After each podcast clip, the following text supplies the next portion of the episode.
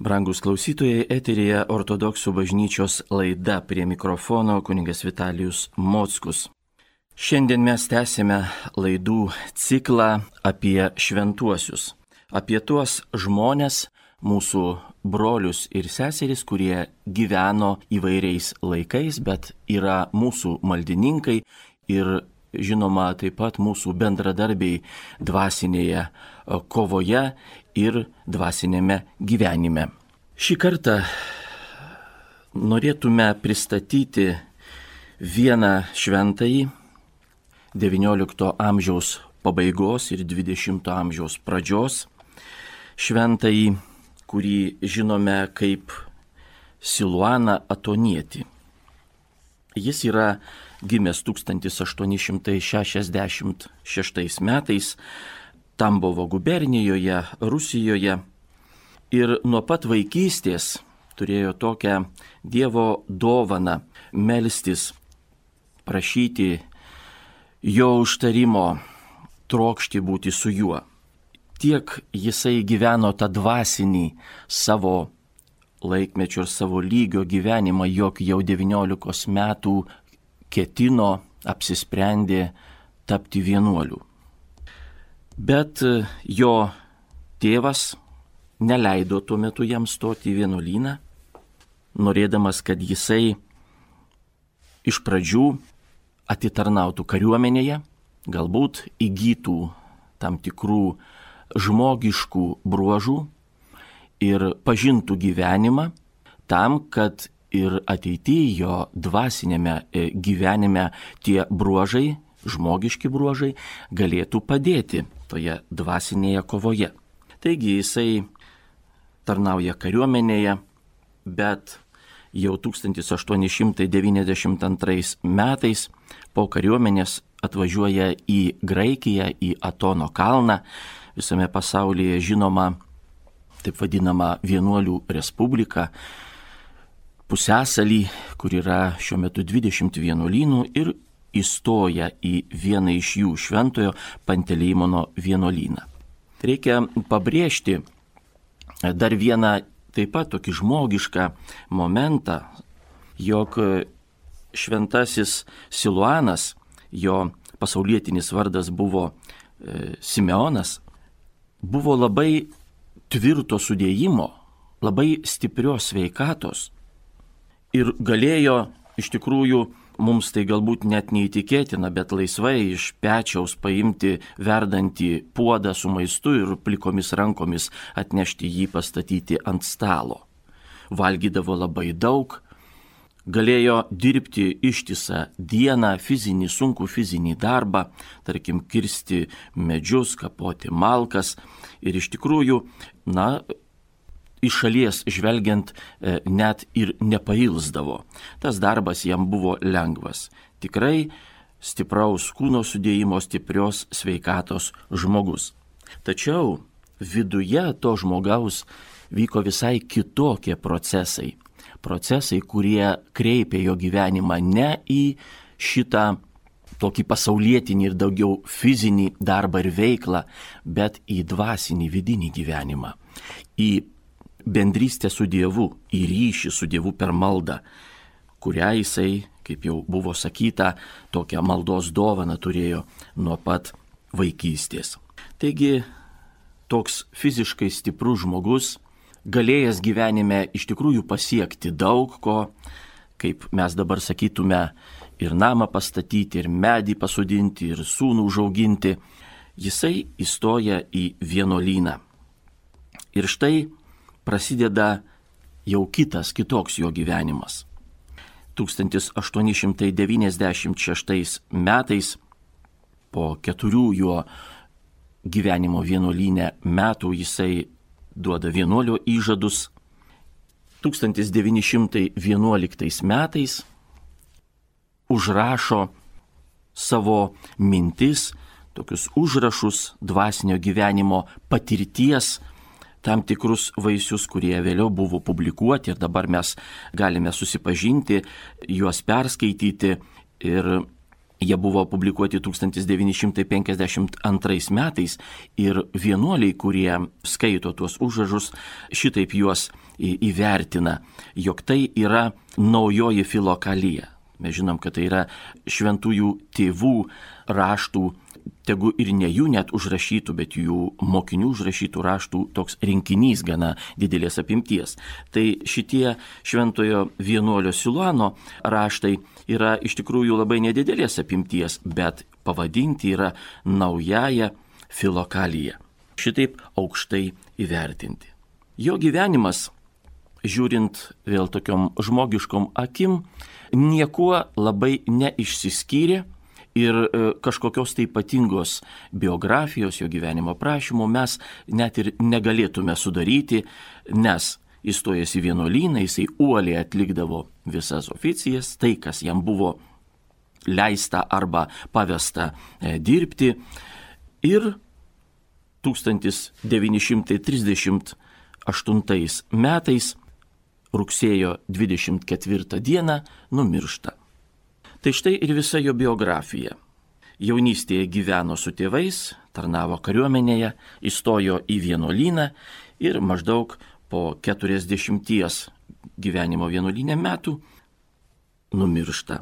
Tačiau ne į tą e, iš išorinių tokių faktų biografiją mes turėtume kreipti e, dėmesį dabar ir būtent todėl ir kalbam apie šventąjį Siluaną, o labiau kreipti dėmesį į tuos vidinius procesus, kurie vyko jame, kaip jisai keitėsi, kaip viešpats Dievas keitė šį žmogų ir ruošė jį amžinybei. Tai štai į tuos procesus ir atkreipkime dėmesį. Priminsiu, jog Šventojo Siluano užrašai, raštai yra publikuoti ir lietuvių kalba jos surinko ir pirmą kartą publikavo jo dvasios vaikas, mokinys, archimandritas Sofronijus Sakharovas. Ir galiausiai e, buvo išversti šitie užrašai lietuvių kalbą ir išleisti atskira knyga e, Magnificat leidiniai 2015 metais. Tas leidinys buvo ir antrą kartą išleistas. Ir štai mes Ten galime susipažinti su trumpa biografija ir svarbiausia - susipažinti su tais užrašais, kurie atspindėjo jo dvasinį gyvenimą, atspindėjo tuos procesus, kurie buvo nematomi visiškai, net ir šalia esantiems žmonėms. Nes jo mokinys Archimandritas Sofronijus yra sakęs ir rašęs apie šventąjį Siluaną taip. Iki pat Siluano gyvenimo pabaigos jo šventumą slėpė paprastumas ir nuolankumas. Jis nebuvo kažkoks tai išskirtinis vienuolis išoriškai taip tarp kitų vienuolių. Kai kurie atėję ir nepažinojo jo, net praeidavo pro šalį, nepastebėję jo.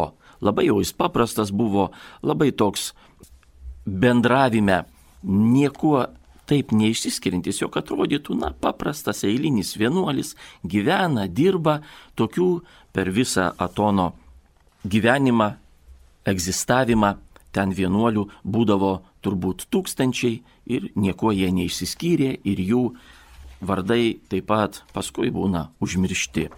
Tačiau va tas paprastumas ir nuolankumas ir slėpė tą jo šventumą.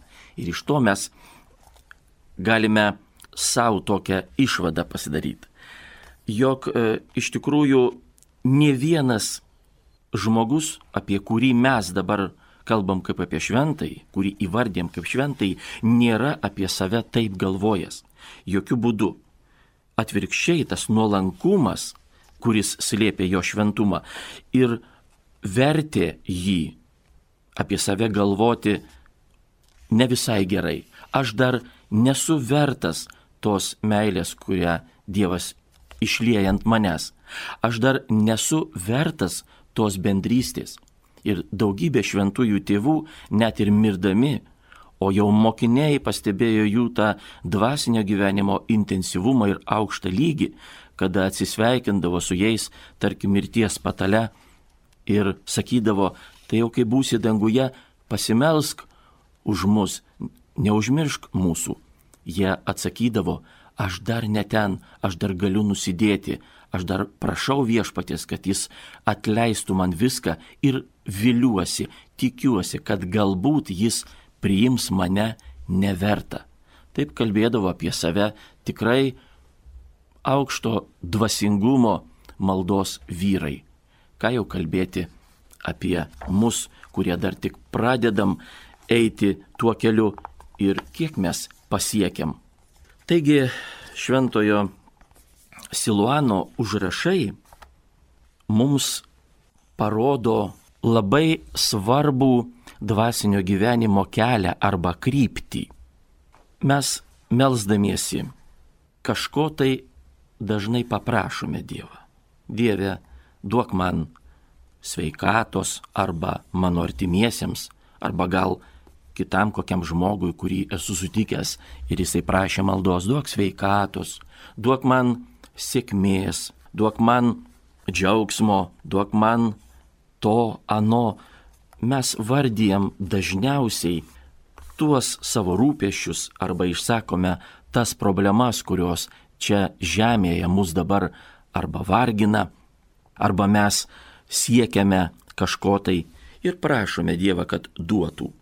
Bet labai dažnai tie prašymai yra susiję su dabartiniu mūsų gyvenimu arba tiksliau mūsų to viso gyvenimo, kuris apima ir amžinybę, tuo tarpsniu, tik tai žemišku gyvenimu. Mums reikia to, reikia to, reikia darbo, reikia dar kažko tai. Ir iš tikrųjų mes būna nuolankiai Dievą prašom, kad Jis duotų mums, kad dovanotų mums tai. Tačiau pažiūrėkime, apie ką savo užrašuose rašo, o reiškia ir nurodo mums, ko mes turėtume prašyti Dievą šventas Siluanas. Jis kalba apie Dievo ilgesį.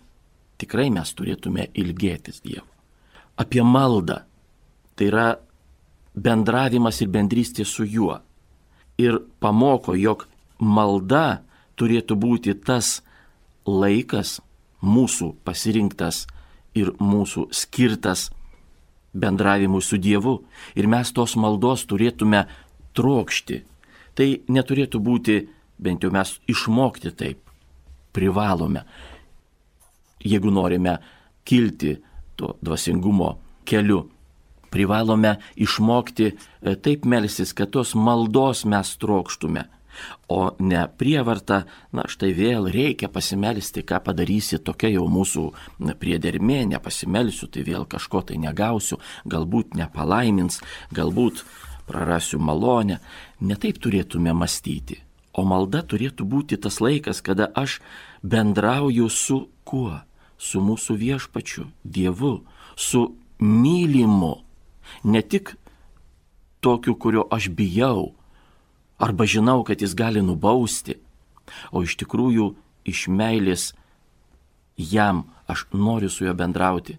Ir kada baigėsi maldos laikas, visiškai nesvarbu, kiek jisai truko, ar vieną, dvi minutės, kada tarp darbų rūpešių mes vis dėlto galime staptelti staptilti ten viduj, širdį ir vieną, dvi minutės skirti maldai, padikai, Dievo išlovinimui jo.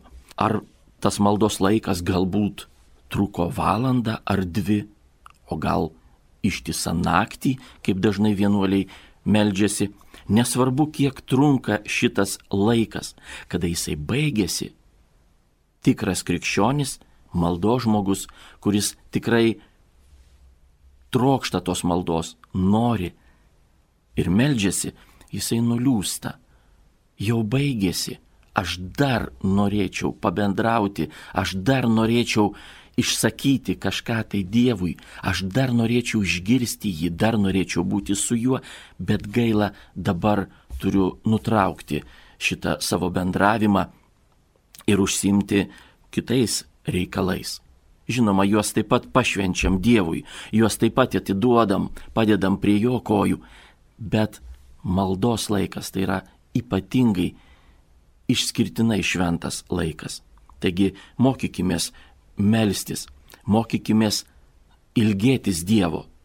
Kada žinom, jog, tarkim, aš suplanavęs taip dieną, jog 21 val.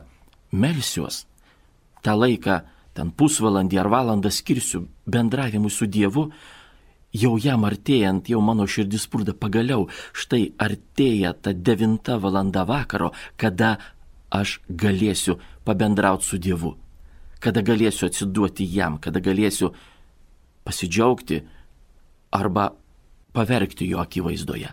Galbūt išliedamas savo rūpesčius, savo pergyvenimus arba savo džiaugsmą.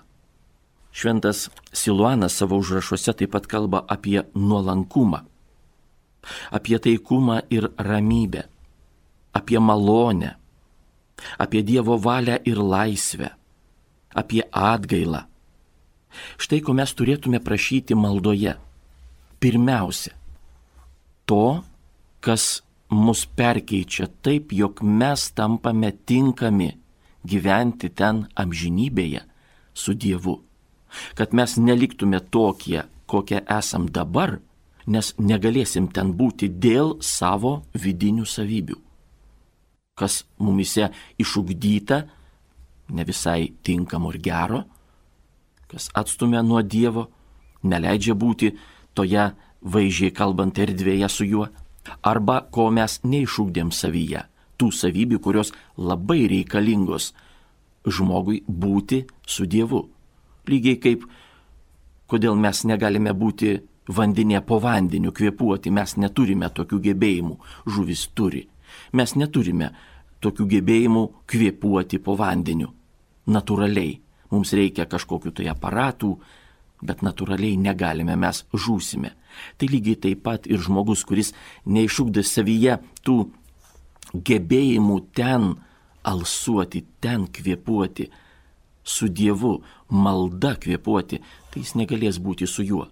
Taigi maldoje pirmiausia mes to ir turėtume prašyti. Viešpatie, nesėkmės man reikia šiame gyvenime. Ne tam aš skirtas, ne tam aš atėjau. Man reikia meilės. Aš be jos pražūsiu. Leisk man pamilti tave visą širdimi. Leisk man pamilti savo artimą taip, kaip tai turėtų būti, o ne kaip man atrodo. Viešpatė leisk man būti nuolankiam, nes be to aš irgi pražūsiu. Kiti žmonės nepastebės to, kam nuolankumas nėra svarbus. Bet aš pražūsiu aš neturėsiu savyje tų savybių, neišugdysiu savyje tų savybių ir aš pražūsiu. Mes norėtume trokšti pažinti Dievą, ne tik tikėti. Jis yra, labai gerai, kad yra, bet toliau, jeigu aš žinau, kad Dievas yra ir mane myli, o Dievas yra meilė, tai aš turėčiau ir pamilti jį, ir pažinti jį, koks yra Dievas kaip aš su juo turėčiau bendrauti, kaip ir koks aš turėčiau būti jo akivaizdoje. Siluanas primena, jog visi mes esame Dievo vaikai ir panašus į jį. O jeigu mes esame jo vaikai, tai kaip vaikai turi bendrauti su savo tėvu? Jeigu mes esame panašus, gal mes turime džiaugtis tuo? ir pažinti jį, o kuogi aš esu panašus. Ir kaip aš tuo panašumu turėčiau pasinaudoti, kad tobulėčiau dvasiškai, kad galėčiau bendrauti su Dievu ir būti su juo visada. Žinoma, jisai kalba ir apie tuos žmonės, kuriuos mes dabar vadiname šventaisiais. Kokie jie buvo, kokie jie yra net ir jo laikais. Jisai gyveno Atono kalne, Atono vienuolynę, kur matė iš tikrųjų ne vieną dvasingą vienuolį. Jis pats mokėsi maldos, jis pats mokėsi nuolankumo. Ir tie jo užrašai yra tos dvasinės kovos, kuri truko ilgus metus vaisiai. Taigi jisai mokėsi ir iš kitų, sėmėsi tos patirties, kurios Atono kalne iš tikrųjų yra apstu, nes tai ypatinga maldos vieta. Ir jis pasinaudojo tuo. Mes lygiai taip pat, Silonas apie tai primena, lygiai taip pat turėtume atsiminti, jog ne vieta žmogų gelbsti, nes galima būti ir šventoje vietoje, bet pražūti.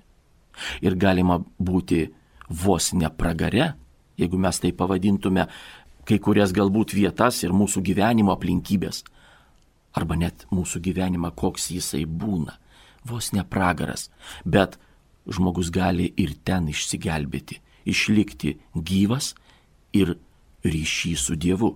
Todėl ne vieta gelbsti, bet vis dėlto mes galime pasinaudoti tai, kas yra aplinkui. Ir ta šventa vieta, Tono kalnas, tikrai buvo palanki vieta ir nuostabų žmonės, kurie mokė į to dvasinio gyvenimo. Jis kalba apie klusnumą, kas labai svarbu yra vienuoliui. Santykiai vienuolio, senolio, dvasios tėvo ir to pradedančio vienuolio, galbūt dar novicijaus, kuris tik taip pradeda tos pirmus savo žingsnius, žinoma, jie tie santykiai yra ypatingi, kurių negalima perkelti į tokį mūsų kasdienį pasaulietinį gyvenimą. Čia visai kitokie santykiai, bet skaitydami apie klusnumą savo senoliui, savo dvasios tėvui, mes, pasauliečiai, turėtume nukreipti tuos žodžius į klusnumą viešpačiui Dievui. Pažinti jo valią ir pasiliekant laisviems, nes mes kaip krikščionys esame pašaukti laisviai, ne vergauti kur esam surakinti, nenorėtume to, bet, na, priversti, kadangi pasirinkimo neturiu aš, mano rankas ir kojas surakinu, tai jau eisiu, kur veda. Ne, o būtent pašaukti laisviai mes prisijimam, dėkodami Dievui tą dovaną laisvę ir laisvą valią paklūstam mūsų viešpačiui, norėdami pažinti jo valią, kokia jo valia yra man, koks mano turi būti gyvenimas pagal Dievo valią. Ir aš laisvą valią, savo laisvą valią paklūstų Dievo valiai. Žinoma, jisai kalba apie dvasinę kovą, kas yra labai svarbu. Dabar mes krikščionys užmirštam apie tai, jog krikščionybė, jog tas dvasinis gyvenimas yra ne tik štai rytą atsikėlus papoteriauti, vakare padėkoti, na kažkaip nugyvensim gyvenimą, lyg ir pamaldose būnam, bažnyčią lankom, lyg ir nieko blogo nepadarė, esam, o kur mūsų kova?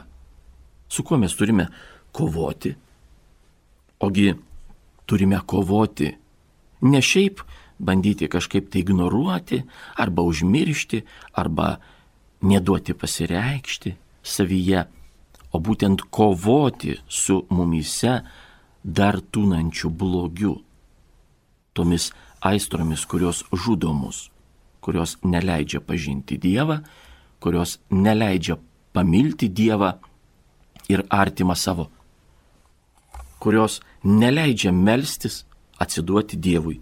Taigi su tom aistrom su pykčiu, su neapykanta, su pagėža, su apsirijimu visokiomis prasmėmis, su palaidumu ir taip toliau. Mes turėtume kovoti ne šiaip, na, stengtis, kad neišsiskirtume iš kitų, na, ne, nesu šventas, bet, va, nugyvenau, kaip išeina. Ne, mes turime kovoti. Be tos kovos aš nesu tikras Jėzaus mokinys. Be tos kovos aš nesu tikras krikščionis. Aš esu toks drungnas. O kaip pasakyta, geriau tu būtum arba karštas, arba šaltas, bet jokių būdų nedrungnas. Kitaip pražūsim. Taigi šventas Siulanas ir primena mums apie šituos dalykus savo užrašuose apie dvasinę kovą jisai sako, jog ta mūsų kova vyksta, kaip mes dabar pamanytume, nu gal sekmadieniais, kada jau mes kaip krikščionys, na, skiriam kažkiek daugiau laiko Dievui. Kitom dienom juk reikia dirbti. Arba kokią tai ypatingą dieną, arba kada ateina pasninko diena ar dienos, tada jau mes, na, kažkiek tai reikia kažką padaryti.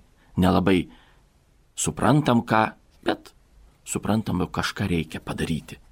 Ne, jisai sako ir rašo, mūsų kova, šita dvasinė kova su mūsų aistromis, su tuo blogiu, su nuodėmė, vyksta kasdien ir kas valandą.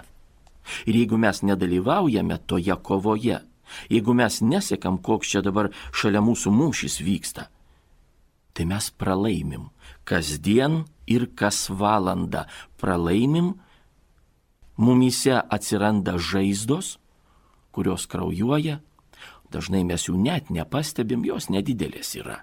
Štai tarkim pyktis kasdien pasireiškia po, sunku įvardinti, gal 20, gal 30 kartų, bet konkretus momentai. Čia aš pyktelėjau, čia supykau, čia mane kažkas išprovokavo ir jau ta mintis atėjo ir aš jau toks susiraukęs, čia dar kažkas tokio ir per dieną tai būna nesuskaičiuojama daugybė tų pralaimėtų kovų. O kodėl pralaimėtų? O todėl, jog mes net nepastebim. Ir kasdien va šitaip gyvendami, arba kasdien šitaip nekovodami ir žūdami, lietai po truputį, bet žūdami, mes savyje išūkdom ne tos kovos vaisius, pergalės vaisius, Štai daugiau pyktis manyje neturės laisvės pasireikšti, aš kovosiu, o būtent išugdom savyje tokį nuolat, nuolatinę būseną pyktis. Nuolatinis ir zlumas kažkoks tai ir jau tampa tai mūsų charakterio bruožų. Ir mes jau šitam gyvenimo tarpsnį, šitą prasme jau pražuvom, nes mumis užvaldė tas pyktis, kuris tapo mūsų nuolatinę būseną. Net nepastebim ir net nekovojam. Taigi, tada išeina pralaimim kasdien ir kas valandą. Baisi būsena, baisi situacija, baisus toks gyvenimas. Krikščionys tai supranta ir todėl kovoja. Ir todėl net ir krisdamas, puolęs jisai vėl kyla į kovą, nes žino, kad kol jisai dar kyla, kol jisai kovoja, jisai gyvena. Jeigu jisai nekovoja, jisai jau dvasiškai yra žuvęs, negyvas. Taigi tokių pamokymų yra daugybė labai reikalingų mums, labai aktualių šiai dienai, ne tik tuo metu, kada jisai gyveno, arba tai buvo svarbu, kada prieš penkis šimtus metų ar tūkstantį metų žmonės truputį kitokie buvo ir galbūt tas maldos gyvenimas kitoks buvo ir religinio gyvenimo intensyvumas kitoks buvo ir religingumas gal toks plačiaja prasme buvo platesnis, daugiau žmonių apėmęs. Ne, dabar aktualios šitos temos, dabar aktualios šitos mintys. Tokį pavyzdį pateiksiu apie pasninką koks buvo anksčiau ir koks yra dabar. Buvo ortodoksų pasaulyje diskutuojama. Galbūt, o mes e, žinom, jog e, ortodoksai pasninkauja kiekvieną trečiadienį ir penktadienį, yra taip pat keturi daugiedieniai, gana ilgi, nuo dviejų savaičių iki šešių, septynių savaičių pasninkai kiekvienais metais. Tai jeigu visus tuos pasninkus sudėjus taip sustumus į vieną kalendoriaus taip kraštą pusę, tai apimtų nuo 4-5 mėnesius. Šitiek pasninkaujama yra. Bent jau stengiamasi šitiek pasninkauti ir šitaip. Taigi diskutavo viskupai, dvasininkai, teologai, maldo žmonės, gal dabar jau kitokie laikai, gal dabar reikia truputį tą pasninką mm, pakeisti, tą pasninko praktiką pakeisti ir palengvinti. Nes žmonės kitaip dabar gyvena, vis kažkur bėga, kažkur skuba, dirba keliuose darbuose, yra daug rūpešių, tas gyvenimas toks jau mūsų, kad mes nesugebam net kartai sustoti ir staptelėti. Tai gal truputį palengvinti tą pasninką. Gera mintis, tikrai, kad žmogus taip mastant vėl iš šalies ir, ir žmogiškai, bet nedvasiškai, kad žmogus galbūt nejaustų tos sąžinės graužaties, nu vis tiek man tai nepasiekiama, bet nu nors kažkiek tai ten vat, dabar jau nebereikia tiek pasninkauti, užtenka ir galbūt vieno mėnesio per metus, arba ne kiekvieną trečiadienį ir penktadienį, arba ten galima daugiau kažko tai valgyti, mažiau nuo ko tai susilaikyti. Taip galima būtų mąstyti, bet sprendimas buvo priimtas toks ir suformuluotas maždaug šitaip. Pasninko praktikos keisti nereikia ir ypač dabar mūsų laikais. Nes jeigu anksčiau, penktame, dešimtame, penkioliktame amžiuje žmonės pasninkaudavo, o kartais galbūt ne visai pavykdavo pasninkauti, bet visas tas dvasinio gyvenimo intensyvumas buvo kitoks. Aplinka buvo daugiau krikščioniška, buvo normalu eiti į bažnyčią ir nenormalu neiti. Dabar atvirkščiai. Dabar mūsų gyvenime tų krikščioniškų apraiškų vis mažiau ir mažiau.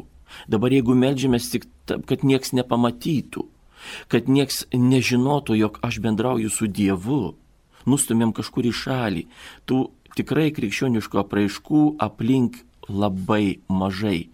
O mes dar jeigu kalbėtume ne apie išorinius to ženklus, o apie vidinį mūsų dvasinį gyvenimą, tai kiek mes skiriam maldai laiko per dieną?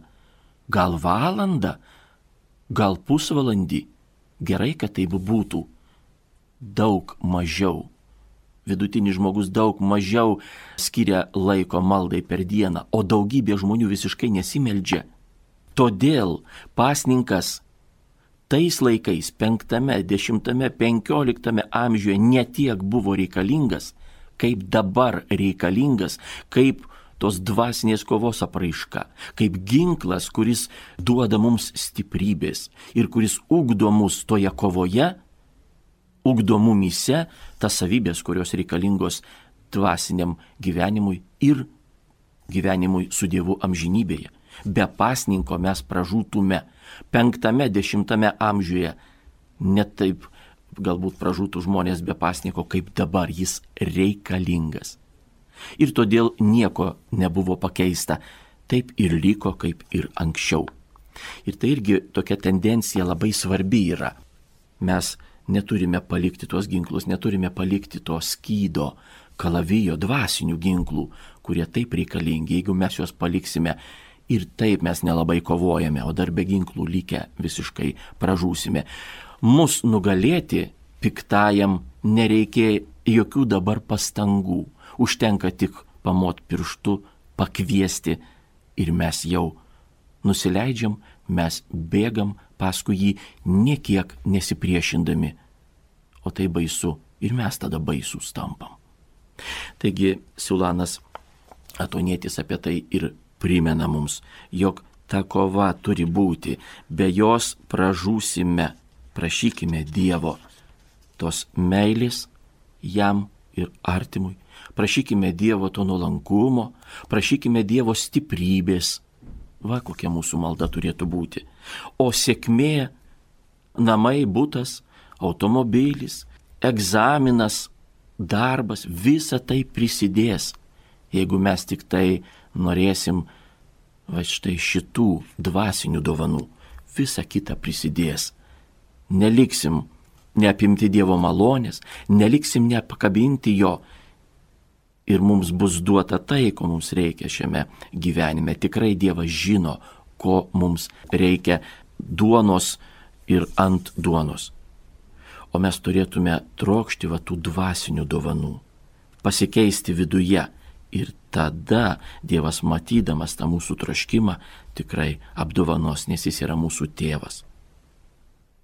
Siluanas rašo, mano siela trokšta pasiekti Kristaus nuolankumo ir ilgisi jo dieną naktį. Kartais net šaukte šaukiu to. ir cituoja psalmę, ilgisi tavęs mano siela viešpati ir su ašaromis tavęs ieškau. Taigi, va toks dvasinis gyvenimas, intensyvus, turėtų būti mumise.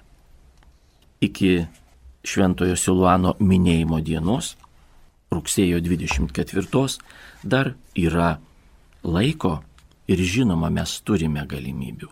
Vis dėlto turime, jeigu paieškotume, pasistengtume, yra laiko susipažinti su jo pamokymais, su jo užrašais, tam, kad vėl priminti savo, štai koks aš turiu būti, štai kokiu keliu ir kokia kryptimi turiu eiti. O ne toks, kada mane neša srovė ir aš niekiek nesipriešinu. Turiu kovoti su tuo. Prisimindami šventąjį Siluaną, mes prašykime jo užtarimo jo maldų į viešpatį, kad būtume stiprūs ir tikri jo mokiniai, tikri krikščionys, kurie neplaukia pasroviui, o būtent kovoja už save, už savo gyvybę, už savo ryšį su Dievu ir žinoma dar ir už savo artimą nes tas meilės ryšys su artimu žmogumi taip pat šaukte šaukėsi mūsų maldos. Viešpatie, pasigailėk manęs ir tų žmonių, kuriuos man įteikiai, mano rūpešiui, mano atsakomybei. Šventasis Siluanas Atonietis mirė 1938 m. rugsėjo 24 d. Ir štai po tiek laiko jo užrašai jeigu tikiuosi mes visi arba dauguma klausytojų susipažinsim, prisiminsim, rodo, jog kiekviena eilutė užrašyta jo tuo metu, tai yra 20-ojo amžiaus pradžia, yra aktuali ir šiandien, o galbūt net kuo toliau, tuo labiau aktualesnė tampa. Nepamirškime to, ir kovokime su blogiu mumyse ir šaukime viešpatis, branginkime maldos laiką. Girdėjote ortodoksų bažnyčios laidą, kurios metu kalbėjome apie šventąjį Siluaną Atonietį, 20-ojo amžiaus šventąjį. Dėkui uždėmesį, iki kito susitikimo. Garbė Jėzui Kristui.